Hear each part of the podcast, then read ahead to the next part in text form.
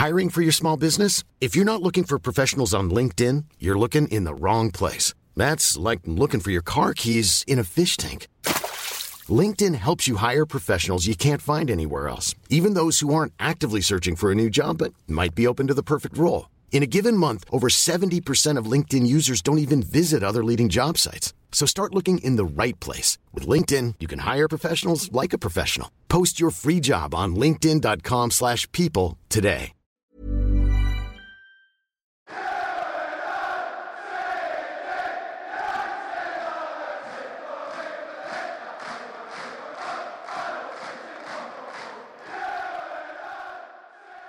Pendengar GGMU semua, balik lagi uh, di podcast GGMU bareng kita bertiga. Dan masih uh, belum bosan-bosan kita mengulas apa ya bahasan yang di luar dari match MU karena masih babak 16 besar. Dan pada saat ini kita mau bahas satu buah rumor yang somehow tiba-tiba aja nih ya tiga hari yang lalu tuh kenceng di Twitter gitu kan. Dan selayaknya uh, obrolan gitu kan. Eh tiba-tiba berbagai macam uh, jurnalis sudah mulai memberitakan termasuk dari mulai yang ecek-ecek sampai dengan uh, yang paling ternama gue man bahas dapetnya dari Muhammad Balfousi itu Hmm. jurnalis dari kalau nggak salah dari uh, base itu di Prancis. Ya Ben ya, ya dia ini ya korespondennya Benz. Dan dia emang cukup sering untuk kemudian uh, memberitakan terkait dengan rumor transfer. Tuh, Nah tapi gini, gue tuh hmm, biasanya ini kalau misalnya lihat ada jurnalis yang bukan Fabrizio Romano, itu gue buka dulu di follow sama Fabrizio atau enggak? Iya betul. Iya kan? Oh, betul. Kalau misalnya dia di Iya, follow iya, sama iya. Fabrizio, berarti oh oke ini orang cukup kredibel Oke untuk lah. Iya. Iya, beritanya oke. itu ini ya, itu itu apa cara ngetes hoax di rumor bola gitu kan ya? Benar, benar. Kalau kalau di kalau di follow coach gimana? Selain wasit nanti bahaya, jangan jangan. Aduh, aduh. Eh. Ntar lu ini disuruh buat lu disuruh nyetak kardus nanti bro. oh iya. Ampun ampun ampun. Oke oke oke. Nah jadi gini, sebelum kita masuk ke rumor pemain ini, gue tuh mau menemukan, gue tuh mencoba untuk me- mencocok-cocokkan gitu kan. Bahwasanya sebenarnya gini, satu hal yang gue suka dari MU, terlepas kita kemudian ya ada progres dan segala segala macam, terlepas kita gagal kemarin, tapi dari mulai dua tahun yang lalu sampai dengan sekarang gitu kan, in terms of uh, belanja pemain, terutama pemain muda ya, ini rumor pemain muda adalah kita tuh cukup uh, mulai cukup serius untuk kemudian membeli pemain muda setiap musimnya gitu. Kita tahu di tahun 2019 kita ngebeli uh, Hanij Balmejbri dari AS Monaco uh, umur 18 tahun di harga 9 juta pounds gitu kan. Yang mana untuk pemain sekelas uh, U21 gitu kan 9 juta pounds itu cukup sangat uh, besar gitu kan. Iya benar. Terus benar. kemudian tahun mm, tahun lalu kita kemudian sorry uh, musim musim dingin yang lalu tra- apa winter uh, ini kemarin kita beli um, uh, siapa namanya sih uh, Ahmad Ahmad Diallo. Ahmad Diallo dengan harga 37 juta pounds gitu kan. Untuk umur 18 tahun lagi. Peningkatan sangat besar juga apa? dan juga Pelistri. Facundo Dan juga Pelistri. Polisi Facundo Polisi benar gitu. Gue lupa berapa harganya kalau Polisi ya. Cuman yang benar-benar gue anggap tuh tadi uh, amat sah. Sekarang ini si pemain ini nih di apa di ujuk-ujuk sebagai wonderkid tiba-tiba punya harga yang 40 juta gitu kan. 3 juta lebih mahal dibandingkan uh, harga Ahmad Diallo gitu. Dan pemain ini kan kita tahu ya itu adalah Eduardo Camavinga gitu kan. Dan mungkin beberapa orang yang oh, udah cukup ngikutin dia sangat paham uh, betapa potensialnya dia. Dia ngebuat debut di apa di professional league-nya di usia 16 tahun dan banyak banget prestasi yang dia dat- dapetin juga as in individual key stats. Gue mulai dari Saung sendiri. Lu ngelihat kemudian adanya rumor Kamavinga, uh, apa ya reaksi pertama apa yang kemudian lu keluarkan dong? Um, gue reaksi pertama gue ketika tahu uh, MU dikaitin sama Kamavinga adalah gue bersyukur MU sekarang mulai berada di jalan yang benar ya terkait transfer karena karena mungkin di di beberapa musim sebelumnya gitu ya kita kadang tuh dikaitin dengan nama-nama yang uh, apa ya mungkin cukup cukup wah cukup Siapa? wah gitu Siapa? Ivan misalnya Ser iya anjir Ivan Perisic Ivan bener itu bahkan sempat mau ditukar tambah sama Martial kan kalau salah Iya, betul. Iya. Terus um, mungkin yang masih kita ingat adalah ada Ivan Perisic, ada Sergio Ramos gitu, pemain-pemain veteran yang uh, apa ya, memang memang proven di klubnya gitu. Cuman uh, apa ya, mungkin lebih lebih terkait nama daripada kemampuan dia bermain di Manchester United gitu. Iya. Nah, uh, melihat beberapa waktu belakangan ini awal-awal musim tuh kita udah udah digas dengan dengan apa Jadon Sancho gitu kan. Gue bisa ngeliat di di Twitter saat ini MU itu emang emang sedang apa sedang ingin segera merampungkan si proses Jadon Sancho ini agar supaya dia bisa uh, apa namanya cepat untuk fokus kepada si sektor-sektor yang lainnya. Nah uh, nama Eduardo Camavinga ini cukup cukup kaget sih waktu waktu gue denger gitu. Karena gue tidak expect MU akan mendekati seorang uh, football prodigy gitu ya umur 18 tahun di Eduardo Camavinga gitu. Tapi setelah setelah gue lihat uh, ber, apa statistiknya dia seperti apa gitu ya gue coba uh, melihat beberapa video dia main gitu. Gue mengerti men kenapa Wally itu ingin ingin mendapatkan Kamavinga gitu. Karena ada ada empat poin kenapa dia tuh sangat valuable gitu di Rennes. Yang pertama itu adalah tacklesnya tuh dia paling tinggi men. Hmm. nilainya tuh tinggi ada sekitar 90 96% tackles completed per 90 menit ya. Pertama tackles tacklesnya tuh elite nomornya dan kedua tuh pressure-nya pressure ke depannya itu dan pressure untuk untuk memenangkan bola di lini tengah itu jago banget. Yang ketiga itu adalah dribbles completed-nya. Jadi kalau kalau kita ngeliat tuh nih orang tuh hampir-hampir mirip Paul Pogba. Iya, yeah, iya. Yeah. Gitu loh. Cara cara dia pegang bola gitu, cara dia kabur dari apa namanya uh, pressure tim lawan gitu ya. Pogba Walaupun mungkin semalam kita ya. lihat Paul iya. Pogba dengan iya. defensive yeah. ability yang lebih bagus ya. Betul, betul, betul, betul. Dengan defensive lebih lebih bagus dan lebih muda gitu. Hmm. Dan yang terakhir adalah uh, pass completion ya. Pass completionnya tuh 88% dan ini ini angka yang sangat tinggi gitu ya. Kalau misal kita bandingkan sama Fred gitu di di tim kita gitu. Yang kadang lihat passingnya mungkin kadang kita sering bete gitu. Nah, di usia 18 tahun dan kontrak tinggal satu tahun ini di Rennes, MU punya chance besar banget gitu untuk untuk Kamavinga. Nah, masalahnya adalah gimana cara kita convince si Kamavinga ini untuk cabut dari Paris, dari Perancis. Itu sih. Iya, oke. Okay. I see, I see. Dan dan segini ya, gue juga setuju sama Saung gitu. Karena ini gue juga ngecek di whoscored.com gitu kan terkait dengan uh, karakteristik uh, Kamavinga. Strength-nya dia itu ada dua, di tackling sama di concentration gitu kan. Dan masalah weakness dia itu nggak ada gitu. Ini tuh player has no significant weaknesses gitu kan. Untuk pemain sekelas 18 tahun, dia dengan dia di, di review oleh sekelas whoscored.com dia nggak punya has no significant weaknesses. Gue ngerasa dia emang prodigy banget gitu kan. Nah cuman tadi benar gimana nggak convince dia untuk pindah dari uh, Prancis ke ke Inggris ada sebuah hal yang berbeda gitu kan. Karena terakhir yang gue baca dan mungkin teman-teman tahu juga uh, Kamavinga emang jauh untuk um, stay di Prancis gitu kan. Makanya PSG ini front run runners gitu. Dan kalau misalkan emang benar-benar Kamavinga ke PSG gua ngelihat kayak ujungnya PSG akan jadi Bayern Munchen tapi bedanya dia nguasain uh, sendiri gitu loh yang akhirnya cukup jadi uh, ini besar. Nah kalau ke Alvin nih uh, kalau di Tivok ada in depth in cover nih Vin. Nah lu melihat posisi Kamavinga yang sebenarnya kita bisa ngeliat Kamavinga kan versatile lah. Dia bisa main di posisi nomor 6, nomor 8, nomor 10 itu cukup bagus gitu kan. Bahkan di sini dia posisinya ada di sebagai uh, uh, di sebagai AM juga pernah juga, sebagai DM juga pernah, sebagai CM pun juga pernah. Lu ngelihat versatilitasnya Kamavinga dengan kebutuhan MU sekarang, apakah itu menjadi salah satu jawaban yang kita butuhkan gitu kan? Atau lebih kepada lebih kepada uh, long term investment, Vin? Kalaupun jadi. Gue sebenarnya agak gambling ya, bukan gambling sorry, uh, dilema. Oh gambling sih, dilema antara apakah gue harus senang dengan Kamavinga ini atau enggak gitu. Jadi sebenarnya fun fact aja, gue tuh udah suka sama Kamavinga itu dari tahun lalu dan gue udah sempat nge-tweet juga, cuma udah agak jauh. Nanti pingin gue recall lagi. Itu gue bilang bahwa cuma ada segelintir pemain yang bisa menggantikan role Paul, Paul, Paul Pogba di MU dan pemain itu adalah Kamavinga dan Jude Bellingham. Gue pernah nulis kayak gitu. Dan ternyata per kemarin itu ternyata Kamavinga dikaitkan dengan Manchester United gitu. Nah permasalahannya gue juga sempat baca di di The Athletic juga bahwasanya Kamavinga ini itu posisi terbaiknya mirip sama Paul Pogba yaitu di sebelah kiri di antara tiga gelandang. Jadi uh, di tim dia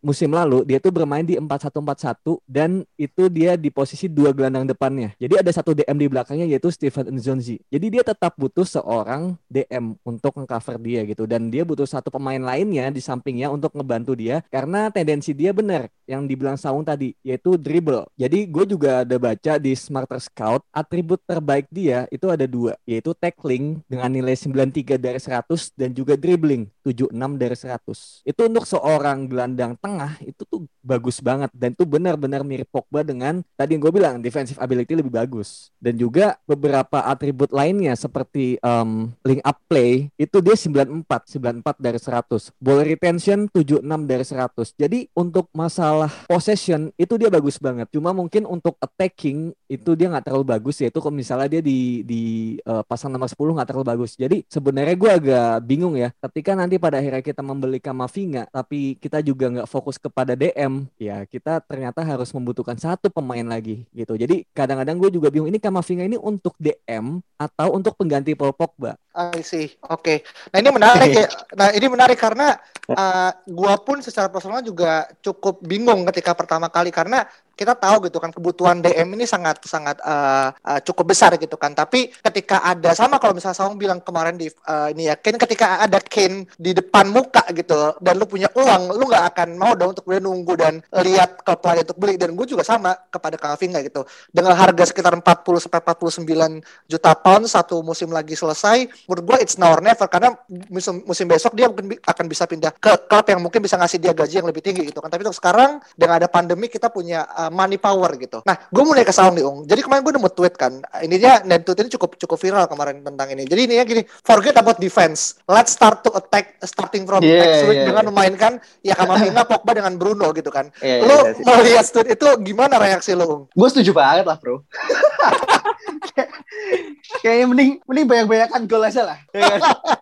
Enggak, cuman ya mem- betul betul memang kita butuh butuh defensive midfielder gitu ya karena selama ini kita uh, sering main dengan double pivot gitu di Fred dan McTominay dan kita punya pure DM pun udah cukup tua banget gitu di Nemanja Matic yang kita nggak tahu mungkin dia musim depan pensiun atau pindah. Yang bikin Kamavinga menarik adalah dia tuh masih muda gitu. Dia tuh masih masih 18 tahun di mana uh, playing shape-nya itu belum belum apa ya? Belum pakem gitu loh. Walaupun mungkin sekarang dia main di uh, midfield 3 gitu ya di sebelah kiri atau sebelah kanan gitu. Itu pun masih masih bisa berubah dengan sepanjang karirnya tuh dia masih bisa berubah. Makanya gue sempat sempat baca di Tivo dia tuh digadang-gadang bahkan bisa jadi the next Kante ya kan Hmm. sebagai defensive midfielder karena karena tackle yang luar biasa gitu. Ataupun bisa sebagai Kovacic karena dia punya uh, passing yang bagus gitu kan. Bahkan dia bisa jadi uh, either Fernandinho dengan ball winningnya atau Paul Pogba karena triple-nya bagus banget. Jadi orang ini tuh masih masih bisa berkembang jauh gitu loh. Nah, jadi gue mengerti kenapa uh, Ole itu dari musim lalu kepingin Jude Bellingham sama yang dikatakan Alvin atau sekarang ini ada Eduardo Camavinga karena ada, ada pattern di situ gitu loh. Ole ada midfield yang benar-benar punya energi untuk maju ke depan. Makanya kalau misal kita lihat permainan MU musim ini gitu, itu kan defensive line-nya tuh tinggi banget, men. Hmm. Gitu. Dan dan kalau misalnya kita di midfield-nya ini lemah gitu, nggak nggak punya cukup energi untuk maju ke depan, untuk ngasih pressure, untuk ngasih bola ke depan gitu ya. Dan Kamavinga ini uh, pattern pemainnya adalah dia jemput bola ke belakang dari belakang, lalu maju langsung ke depan gitu. Makanya angka triple-nya itu cukup tinggi. Dan gue lihat intercept-nya di sini pun uh, dia dia jelek gitu. Angka intercept-nya jelek karena dia justru tinggi di tackle-nya. Dia kayak dia nggak nggak perlu nunggu untuk intercept gitu, karena dia langsung tackle kan. Berarti Permainannya mirip itu seperti itu ya? gitu loh. Mirip Fred ya kalau untuk tackle kayak gitu ya. Iya betul, betul. Memang betul. Tapi kan kita sekarang eh, di Kamavinga ini di- didukung oleh postur dia yang tinggi kayak Pogba gitu kan, tinggi canggung gitu loh. Dan kakinya pun juga panjang. Jadi di situ gue rasa ini akan menjadi investasi yang luar biasa bagi Manchester United apabila Kamavinga mau bersedia untuk pindah ke ke tim tim kita gitu. Mhm. Iya, dan di sini juga ini, Ung.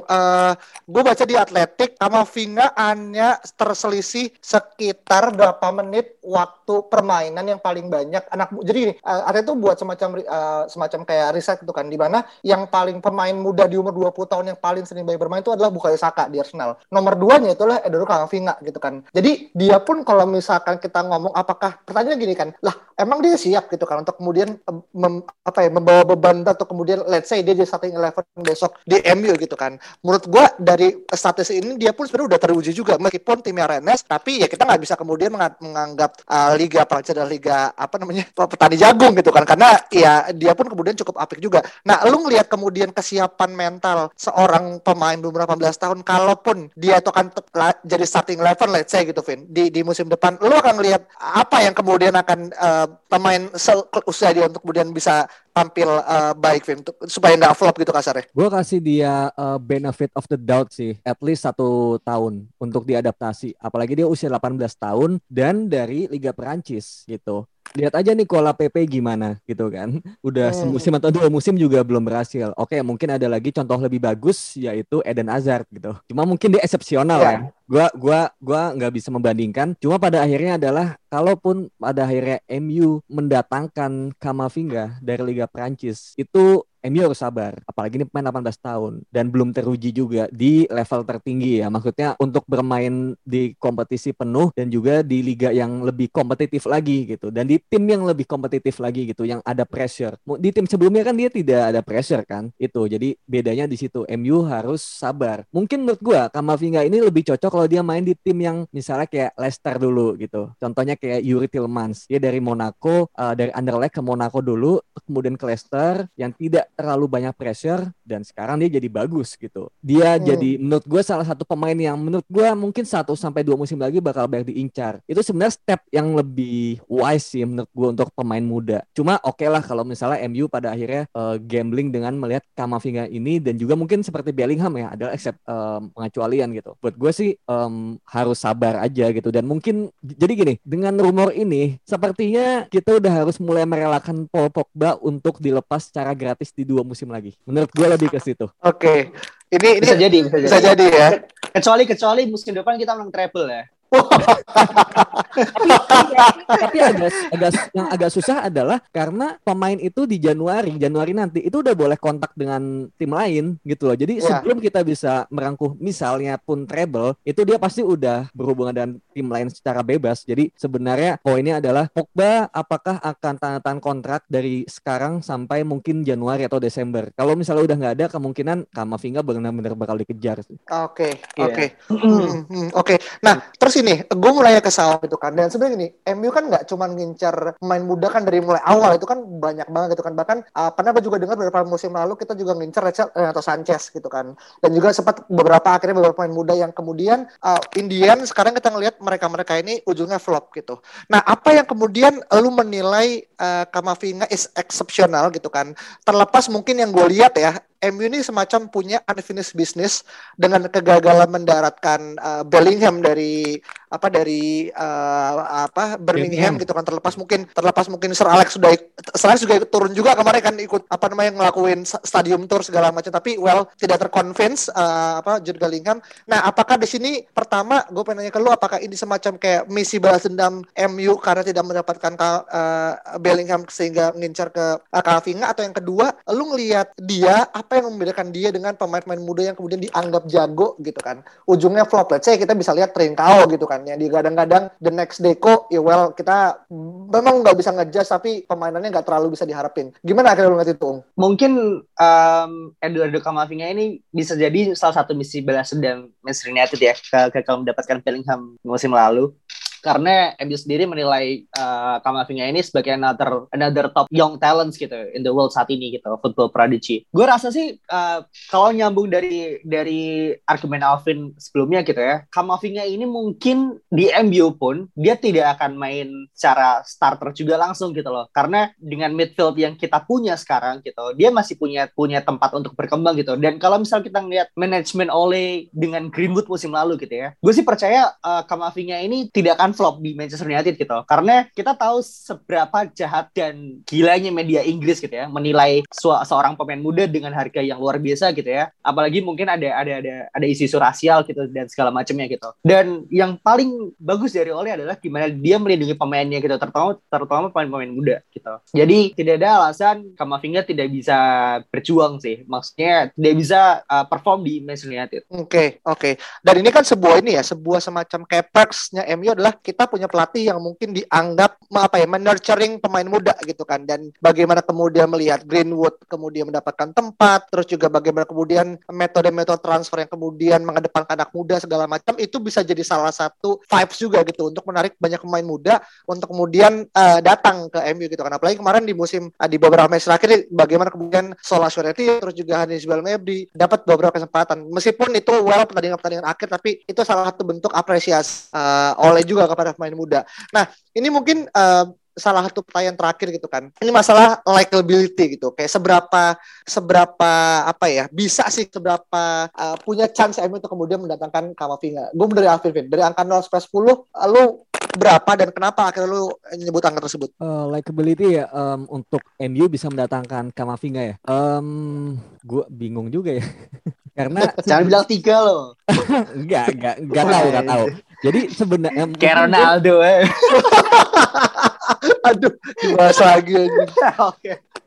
Gua gua mau coba elaborasi dulu kali ya. Maksudnya pada akhirnya mungkin nanti gue bisa menyebutkan angkanya gitu. Jadi sebenarnya chance cukup bagus kalau misalnya MU belinya sekarang sebenarnya gitu. Dengan harga yang tadi sebenarnya kalau kata dia mungkin 45an pounds kalau di euro jadi 55 ya. Uh, cuma kemarin gue juga baca bahwa dari si siapa timnya itu um, matok harga itu 100 gitu. Jadi gue gue nggak tahu gitu. Ya mungkin itu cuma buat bluffing bluffing aja gitu. Ini gue kasih 100 gitu karena MU yang mau nawar gitu MU dan PSG cuma pada akhirnya kita tahu bahwa MU punya beberapa sektor yang harus ditambal seperti CB juga belum gitu kan kemudian Sancho ya oke lah sebentar lagi kemudian berarti MU juga harus mulai menggeser sedikit nih dari yang tadinya DM kemudian sekarang harus mulai bergeser ke mungkin pengganti Paul Pogba gitu. Mempersiapkan kepergian Paul Pogba di dua musim lagi kayak gitu. Dan menurut gua dengan harga segitu menurut gue ya seberapa pintarnya MU bisa bernegosiasi sih dengan tim itu. Apakah bisa dipatok sampai 60 ditawar 50 60 kalau bisa ya go with it gitu loh. Tapi kalau misalnya nggak bisa dan berlanjut sampai musim depannya yaitu dengan harga yang sangat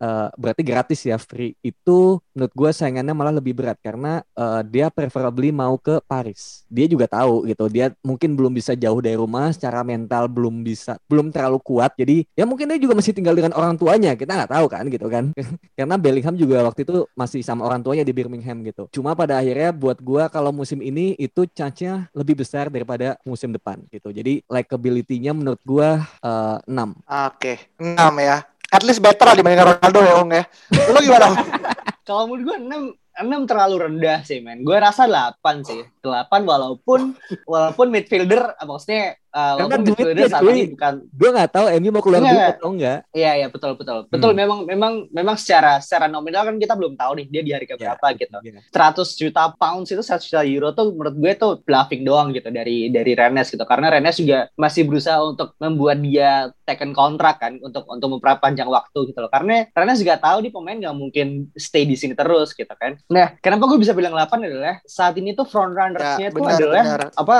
uh, front runnersnya itu cuma ada di PSG sama MU gitu. Arsenal bahkan Fabrizio bilang nggak ada talk sama sekali gitu karena ya mereka mungkin sadar tidak mereka tidak punya mereka tidak punya pulling power kan.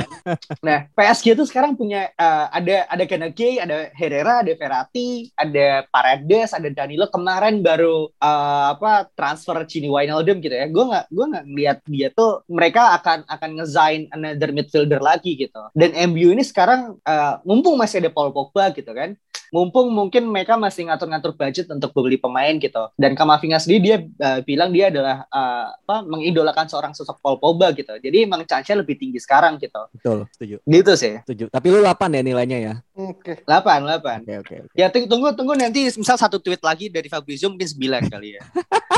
Pokoknya waduh waduh. Gila, gila. prioritinya kan lu dapetin Sancho di seal dulu nih. Habis itu coba Varan hmm. gitu kan. Nah, hmm. gue pengen lihat nih seberapa MU ada keinginan untuk keluar uang lagi atau at least mungkin bisa jual-jual dulu gitu kan beberapa pemain dan uh.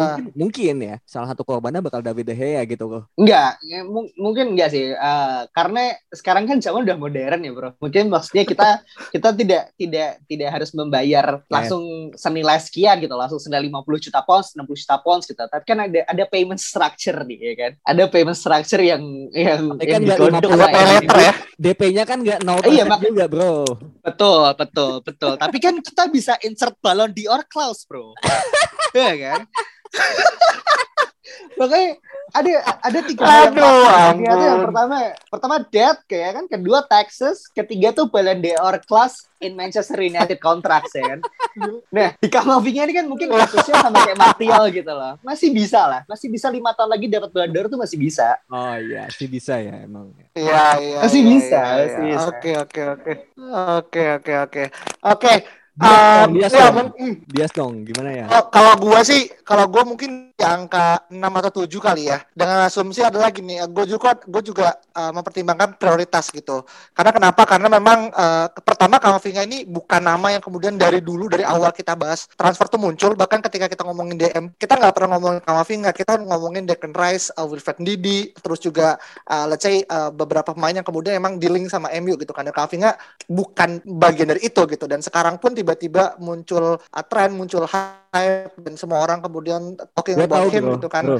Bukannya gue nggak berarti nggak mau Gue ataupun tahu. sebaliknya, tapi gue paham ya MU bukan tipe apa bro? Ya, gue tahu kenapa beritanya baru sekarang. Kenapa? Tapi ini baru kemungkinan doang ya. Ya, mungkin karena internal MU Iya. tahu Pogba ini unlikely untuk akan kontrak. Makanya akhirnya berita Kamavinga itu muncul. Karena Kamavinga itu bukan pure DM, tapi dia lebih ke CM yang mobile seperti Pogba. Menurut gue ya, tuh menurut gue kayak gitu. Oke oke.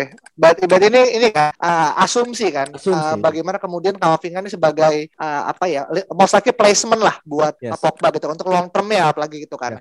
Uh, tapi sebenarnya bisa juga kan sebenarnya uh, ketika ada ada ada apa ada uh, Kamavinga masuk, Pogba masih dan juga ada Varane, ya mereka kan ngebangun French connection sebenarnya gitu kan. Ditambah mungkin Martial mungkin lebih bersemangat lagi gitu kan dengan banyak pemain Prancis. Because we never know sih, menurut gue pribadi gitu, kayak gitu. Nah, Uh, mungkin terkait dengan Kamavinga kita masih pantau bagaimana kemudian Lord uh, Fabrizio kemudian akan bersabda gitu kan dan uh, podcastnya diambil sebelum ada kejelasan lebih lanjut dan kita akan tunggu karena minggu ini yang gue tangkap adalah uh, timnya representasi MU bakal ketemu sama agennya uh, Kamavinga gitu kan we'll see apa yang terjadi mungkin akan ada update di hari Jumat so, so teman-teman ketika itu ini mungkin akan ada ya? tiba-tiba Rayola ya? hmm, kenapa Representatifnya itu Rayola. bukan bukan Oh, bukan. Bukan, bukan, bukan. bukan Hmm. bukan beda-beda agennya Iya, bukan tapi Raiola. tapi tapi kalau misalnya kita berhasil gitu ya, sukses untuk mendapatkan Sancho, Varane dan Kamavinga gitu ya, gue gue kayaknya cukup optimis Pogba akan tanda tangan kontrak sih, men. Ah, kita Iya, bahas di episode selanjutnya ya nanti kita untuk Iya, kita iya, ya, iya. untuk Iya. Pogba nanti. ah. Teaser ya, ngetis ya, ngetis. Iya, iya. iya, Oke. Oke, ini ini Easter egg ya, Easter egg. Oke, mungkin itu aja. Mungkin itu dari uh, kita. Uh, so teman-teman stay tune di podcast GMU dan sampai jumpa di pertemuan berikut ya. Dah.